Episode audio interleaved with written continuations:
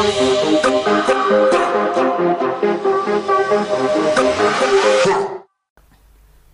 Sobat Radar Jogja, balik lagi di podcast Di edisi kali ini em, Saya, Reren tidak sendiri Saya bersama dengan rekan saya eh, Mas Nanang Halo. Ya. Jadi eh, untuk edisi hari ini kita akan membicarakan tentang penyebaran COVID-19 ya Mas Ya. Atau virus Corona ya di Jogja Corona ya. ya. Sangat meresahkan warga. Iya betul. Dan per hari ini itu ada satu lagi pasien suspek yang meningkat statusnya menjadi positif coronavirus disease ya. Oke. Dan akhirnya ya Dan menambah tambah gitu. menambah ya. Jadi dari kemarin Bertambah. eh, hanya satu Ya. eh, balita berusia tiga setengah tahun. Nah ini sekarang pasien kedua yang positif corona ini ada pria berusia 58 tahun. Tapi itu beda dengan eh, keluarga balita ya. Beda beda. Oh, Em, dari juru bicara Pemprov DIY untuk penanganan COVID-19, Berti Murtiningsih ini juga membenarkan sih bahwa informasi adanya eh, pasien baru yang awalnya suspek kemudian meningkat jadi eh, Positif. positif gitu. Dan em, hari ini juga kalau nggak salah nih ya kan beberapa hari kemarin juga beberapa lokasi fasilitas umum juga dibersihin. Jadi kayak disemprot dis- disinfektan kayak gitu Iya. kan. Jadi hari ini juga kantor DPRD DIY juga disemprot. Kemudian eh, kawasan Malioboro disemprot. Kemudian em, parkir eh, Senopati juga disemprot disinfektan. Jadi iya. uh, upaya yang dilakukan pemerintah untuk mencegah penyebaran tuh itu gitu. Dan bahkan beberapa uh, sekolah juga sudah meliburkan siswanya. Hmm. kemudian kampus-kampus juga. Dan ini semua juga berimbas sih ya kan? Semuanya berimbas. Betul. bahkan kantor kita pun juga berimbas kan? Semua event kita aja mundur, Mundur, ya kan betul. karena adanya kasus ini gitu. Sa- kalau di menurutmu sendiri gimana mas? Ya gimana ya? Jadi fenomena. Karena dengan adanya informasi corona ini eh, semuanya lumpuh ya dari ekonomi kemudian dari apa event dan lain sebagainya mundur bahkan eh, tempat-tempat wisata pun eh, sorry eh, hotel Ya, pun betul. banyak yang merumahkan pegawainya ya mereka efisiensi ya Betul. Dan itu terjadi tidak hanya di Jogja ternyata. Hmm, Dan saya tadi barusan di Magelang ya. Magelang juga Magelang Tengah ya. Hmm. ternyata hampir sama masalahnya dan dan banyak warga yang mengeluh soal itu. Ya. Dan kehebohan juga sempat terjadi ya. Jadi kayak beberapa eh, pusat perbelanjaan Mm-mm, mm-mm. mereka juga diserbu warga juga. Betul. Cuman Panic akhir-akhir- buying iya, gitu panic ya. buying gitu. Cuman akhir-akhir ini udah nggak terlalu sih. Maksudnya kemarin aku udah nyoba ke beberapa supermarket udah eh, kondisi udah normal sih Mm. gitu. Mungkin eh, masyarakat juga udah mulai apa ya, udah bisa milih ini kira-kira eh, belanjanya secukupnya kayak gitu kan. Karena emang tetap nyari dis apa nyari hand sanitizer juga tetap susah kan. Susah dan mahal. Ya, dan mahal ya kayak gitu. Iya. Dan kalau ini yang terutama untuk yang paling rentan itu kan selain otomatis eh, para dokter, Hmm. para perawat itu kan juga mereka rentan juga ya kena. Betul. kena Karena virus dia 24 jam harus menunggu. Hmm. Nah, termasuk ini teman-teman wartawan juga nih Mas. Teman-teman wartawan kan juga mereka Harus otoma- meliput nah, ya. harus meliput kayak gitu. Me- Meskipun bisa sih sebetulnya liputan by telepon atau misalnya kita Skype misalnya kayak gitu. Cuman eh karena emang dokternya wartawan itu emang harus on location kan. Betul. Jadi mau nggak mau juga tetap mereka harus datang ke sana untuk membuktikan kebenarannya. Apalagi sekarang tuh kan banyak banget Iya. hoax ya kan. Maksudnya eh dalam sehari aja mungkin di di grup eh, WhatsApp WhatsApp atau Nah. medsos. itu kan banyak banget ya ya informasi-informasi yang istilahnya ini tuh bener atau enggak ini tuh sebetulnya sudah terverifikasi atau belum kayak gitu jadi wartawan memang tetap harus cek ke lokasi kan Iya, dan itu rentan banget gitu rentan tertular sekali. Mm, mm, mm. Padahal di situ tadi dibilang wartawan harus on location dan harus tahu gitu ya. Apa, apa harus merasakan juga enggak ya? ya jangan dong Iya, iya, iya, oke. Tapi sebenarnya gini ya. Eh, corona itu gimana sih? Eh, apa ya dampak secara nyatanya di kota ini kan juga sangat membingungkan warga juga Hmm, gitu loh. Eh, karena nggak nggak nggak ketahuan tapi tiba-tiba nambah gitu. Iya, Otomatis kan mungkin informasi yang diberikan ke masyarakat juga harus cukup jelas Iya, gitu ya. betul. Karena ini tadi aku juga hampir apa namanya eh, dapat info juga nih. Hmm. Jadi ada salah satu rekan kita nih eh, desainer grafis kita kan asli Gunung Kidul nih. Nah ternyata di Gunung Kidul itu Tadi nggak dipanggil ke sini. enggak belum Ini kapan kita musiknya nih kita ya radio? Ya, kayak radio aja. Iya. Jadi eh, tadi eh, teman kita ini juga eh, cerita nih kalau di Gunung Kidul tuh eh, ada yang panik, ada juga yang enggak yang santai gitu loh. Iya. Bahkan ini kan tadi dia eh, kemarin dari Gunung Kidul karena ada lelayu. Mm-mm. Jadi dia takziah dan di sana tuh masih salam-salaman, Mas. Mm-mm. Dia masih santai gitu, masih salam-salam kayak gitu. Nah, ini kan kadang yang awareness terhadap masyarakat ini loh yang harus kita istilahnya Betul. eh ya mau nggak mau kita emang harus eh, sadar diri gitu loh. Oh, ini gimana sih caranya untuk mengurangi itu Hmm. kayak gitu. Dan balik lagi nih ke wartawan, kemarin kan kita juga udah dapet eh, kebijakan ya. Jadi kita dari Jawa Pos kita juga udah dapet Edaran? edaran, ha, jadi protokol mitigasi COVID-19, Mm-hmm. jadi di mana reporter wajib menggunakan alat perlindungan diri, menjaga jarak, menggiatkan sanitasi dan menjaga kesehatan pribadi. Dan mereka juga dihimbau untuk tidak menggunakan kendaraan umum dan sedapat mungkin menghindari kerumunan dan kawasan terinfeksi. Nah, ini nih loh yang menghindari kawasan terinfeksi itu kan juga nggak mungkin juga ya, maksudnya ya mungkin karena kan eh, mereka liputan juga datangnya ke rumah sakit Iya, ya dan kita nggak tahu itu itu apakah ada virusnya apa enggak Iya, gitu ya. Apa kan masa harus bawa hand sanitizer? Ya iya, emang harus bawa sih. Kalau kalau yang paling memungkinkan ya cuci tangan, cuci tangan Iya. dengan sabun dengan cara yang benar kayak gitu. Hmm. Oh ya, dan di kemarin kan juga di mitigasi eh, COVID-19 ini kan juga di kantor kita juga diterapkan bahwa reporter diminta untuk membuat rekam perjalanan. Mm-mm. Dari mulai meliput apa, kemudian harus ditemui siapa aja, kemudian rekan wartawan yang berada di area liputan yang hari itu tuh siapa aja. Jadi itu tuh lebih ke kayak sifat kehati-hatian aja gitu kan.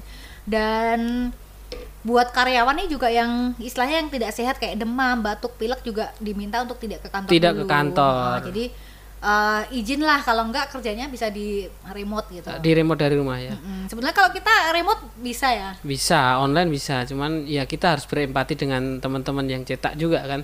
pengumumannya ada udah ditempel juga jadi kalau misalnya ada yang sakit uh, flu kayak gitu emang diharapkan dia tetap harus ada di Rumah. kayak gitu. Jadi kalau misalnya bisa dikerjakan di rumah dikerjakan di rumah. Kalau enggak ya bisa ya tadi remote tadi kan gitu. Cuman kita memang masih masih masih ngantor nih gitu. Dan eh, dari kantor sendiri juga sudah menyediakan hand sanitizer di beberapa ruangan. Jadi kayak ruangan lobby kemudian ruang redaksi ada juga di ruang iklan itu juga ada gitu. Dan ya kalau menurutku emang eh, masing-masing kita juga emang harus jaga diri juga sih gitu jadi kalau misalnya panas ya jangan minum es cuman aku kemarin panas banget aku nggak tahan jadi aku minum es Iya, dan nggak apa-apa kan.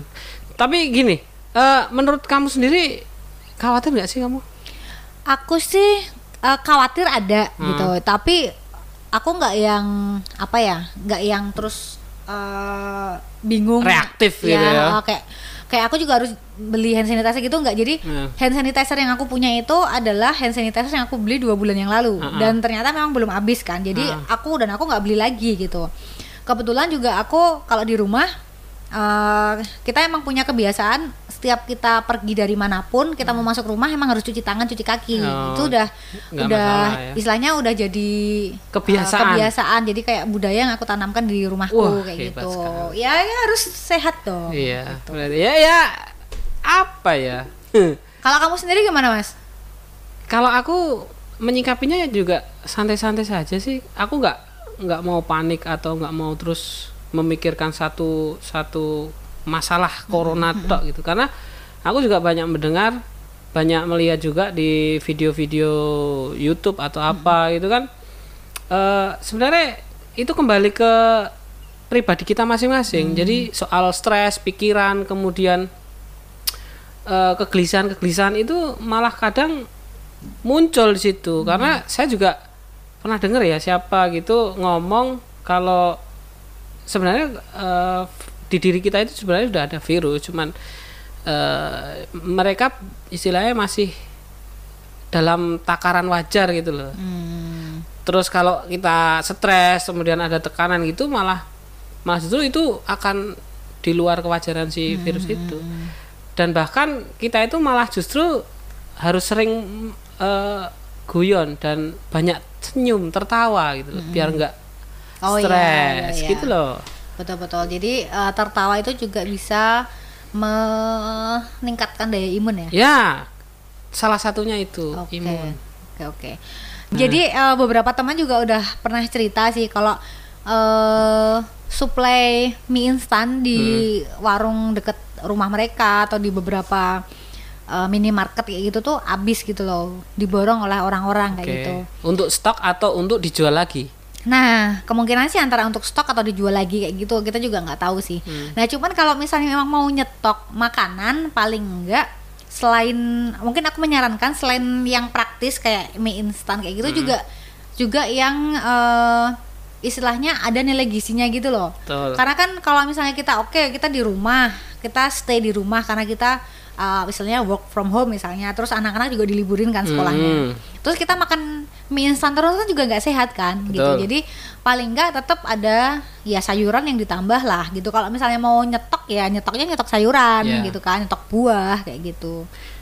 Ya, mosok sih eh, ada yang borong eh, mie instan terus kemudian dia stay at home setiap hari dia makan mie instan dia malah sakitnya malah lebih parah sering makan mie instan daripada kena corona gitu. Iya, ususnya ya, ususnya jadi ini ya. Tapi gini, eh, corona itu kan sebenarnya masih masih eh, rendah ya dalam arti Gimana tingkat maksudnya? kematiannya seseorang kena virus corona itu kan eh, dua persen kan menurut Hmm, riset ya. Sebenarnya itu kan masih rendah daripada SARS dan kayak flu burung gitu ya. iya SARS Ma- eh, MERS ya, MERS, MERS, Ah, eh MERS apa? Iya, MERS. MERS dan Ebola ya. Nah, tapi kenapa paniknya melebihi dari eh, virus-virus di atasnya? Itu kan Jadi karena mungkin karena masa inkubasinya yang cukup panjang ya. Jadi Hmm. kalau eh, corona ini kan masa inkubasinya 14 hari ya. Mm-mm. Jadi dalam 14 hari itu kita nggak langsung ketahuan nih kalau kita tuh kena virus itu kayak gitu. Jadi masih sehat-sehat nah gitu ya. masih sehat-sehat aja ternyata kita udah bisa menularkan ke orang lain kayak Hmm. gitu karena ya itu tadi masa inkubasi yang lama jadi membuat kita tuh nggak nggak nggak sadar kalau oh kita tuh sakit ya atau kita tuh emang kena corona ya kayak Hmm. gitu gitu sih kalau menurutku ya Iya. dan ini juga eh, ini tadi juga ada laporan dari salah satu wartawan online kita Dwi Agus jadi dia eh Sudah mulai flu-flu gitu. Oh, enggak. yang yang yang mulai flu justru, justru ini editornya Iya. Jadi Dia sangat takut sekali kayaknya yang Iya. editor itu. Oh, iya, ya. Juga kepikiran terus ke, ya itu tadi eh, sebenarnya kembali ke diri kita masing-masing ya. Hmm. Saya kira gitu ya. Ya ya. Dan ini tadi kalau uh, laporan dari Dwi Agus ini dia em, dia liputan di seputaran Malioboro. Jadi merebaknya virus corona ini juga berdampak pada sektor ekonomi yang tadi kita awal tadi kita Betul. cerita bahwa pedagang kawasan Malioboro juga udah mulai merasakan dampak dari virus ini gitu. Bahkan omset mereka tuh Menurun turun drastis, drastis. bahkan sampai 80% itu kan Oh ya? iya Wah, ini itu- dia bilang omset harian menurun drastis hingga 80%. Jadi misalnya kayak pedagang buah tangan ya kayak aksesoris kayak gitu-gitu juga dia bilang sih kalau penurunan tuh bahkan ada yang sampai 100% gitu. Artinya dalam satu hari itu nggak laku sama sekali karena nggak ada pengunjung kayak gitu. Pengunjungnya juga minim banget kayak gitu.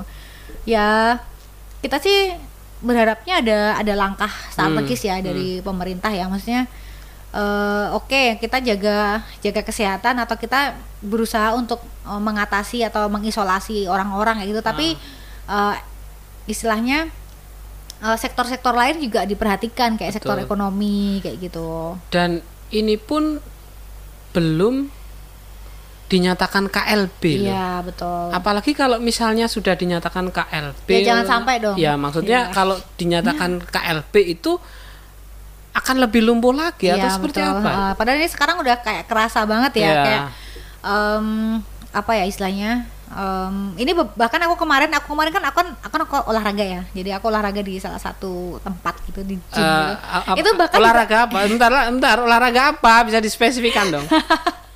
malu aku mau bilang ya, nggak apa-apa kan pemirsa pendengar juga perlu tahu olahraga Masa apa. sih? Perlu Iyalah, nanti tuh ini kan tuh ada komentar di bawah tuh lihat.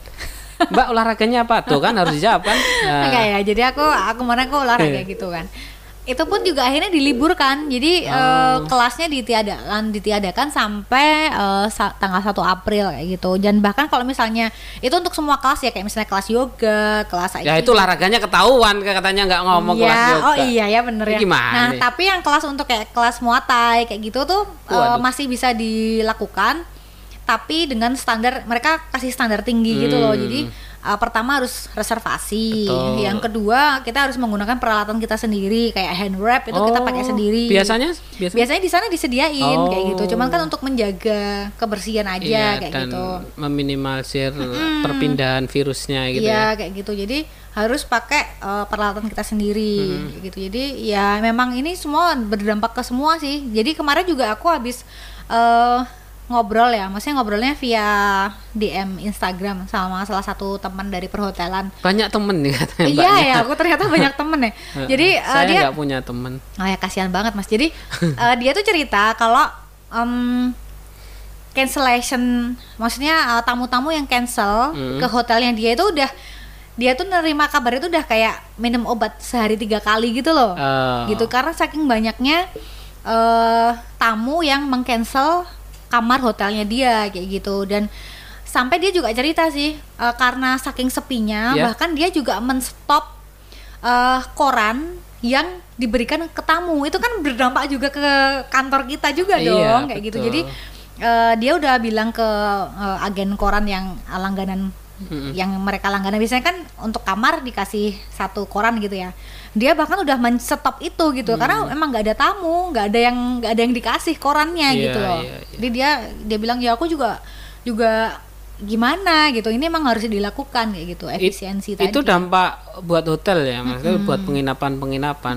Kita belum sebenarnya belum menanyakan dampak ke pengasong agen Iya, dan lain sebagainya. Apakah Tapi mereka kalau dengan tadi eh, contoh kasus temanku yang hotelnya men-stop eh, koran, Heeh. Nah otomatis kan itu juga udah berdampak juga ke kita. Cuman kita karena kita belum Iya belum diaudit aja belum kita belum dicek belum cek aja kan, Nah. belum cek ke ke apa eh, pemasaran apakah ini ada dampaknya juga nggak ke Iya. sebaran koran kayak sebaran gitu. koran omset iklan dan lain sebagainya saya, saya pikir udah Karena kan kita aja nih ya yang divisi online yang kita punya event aja selama dua hari itu juga di cancel. di cancel di bulan selanjutnya dan Nah. itu belum bisa ditentukan karena eh apa namanya Waktunya waktunya dan eh, hebohnya corona ini sampai kapan Oh ya betul. kita betul. nggak tahu apakah nanti di akhir Maret atau di awal April itu lebih banyak banyak ah. memburuk atau, atau justru membaik gitu ya. justru membaik Ja- mereka nggak nggak bisa menentukan tanggalnya bahkan saya paksa tanggal sekian nggak bisa nanti takutnya juga ya kalau tanggal sekian baik kalau memburuk kan Oh ya betul. mundur lagi Iya, iya. gitu Dan lagi pula juga ini kan beberapa eh, event yang kerjasama juga dengan koran kita. Mm-mm. Itu juga mereka juga apa namanya ditunda juga kan kayak gitu. Tadi eh, aku dengar-dengar dari teman-teman eh, iklan juga, wah ini ini ditunda nih. ini gibah ya ditunda." malahnya Ya enggak sih, Oh, kan enggak. kita lagi ngomongin Oh, iya. dampaknya kan, dan Iya, ini iya. dampaknya juga akhirnya kita kena imbasnya juga gitu. Tapi Hmm. kita berharapnya sih masih masih positif ya, maksudnya Betul. kita eh positive thinking bahwa kondisi ini akan segera membaik kayak gitu. Hmm. Apalagi kan juga pemerintah juga eh, udah aku lihat juga udah cukup cukup oke lah ya Iya. untuk tapi telat nggak sih pemerintah itu mengantisipasi hal ini ya ya bisa dibilang gitu sih karena kan pasti udah ada kita masih santai-santai ya kan. makanya aku lihat juga kayaknya sudah di Jogja sendiri ya masih santai ataukah mereka eh, menahan apa ya dalam arti kalau eh, resiko-resiko di belakangnya ketika nanti diumumkan oh ini satu satu orang positif COVID-19 eh, Jogja KLB nanti kan pasti kan heboh. Atau seperti apa? Pasti akan mereka juga ada pertimbangan-pertimbangan tertentu gitu ya. Hmm, ya bisa sih. Iya.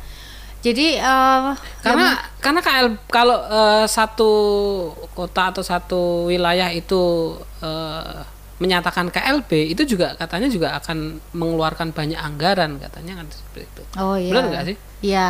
Ya banyak anggaran itu karena memang uh, ya istilahnya uh, dipakai untuk kayak kesehatan Ya. masyarakat kan otomatis kan harus uh, cek-cek semua. Yang terus- menanggung otomatis si Pemerintah. i- iya, pemerintah setempat kan gitu ya. Iya.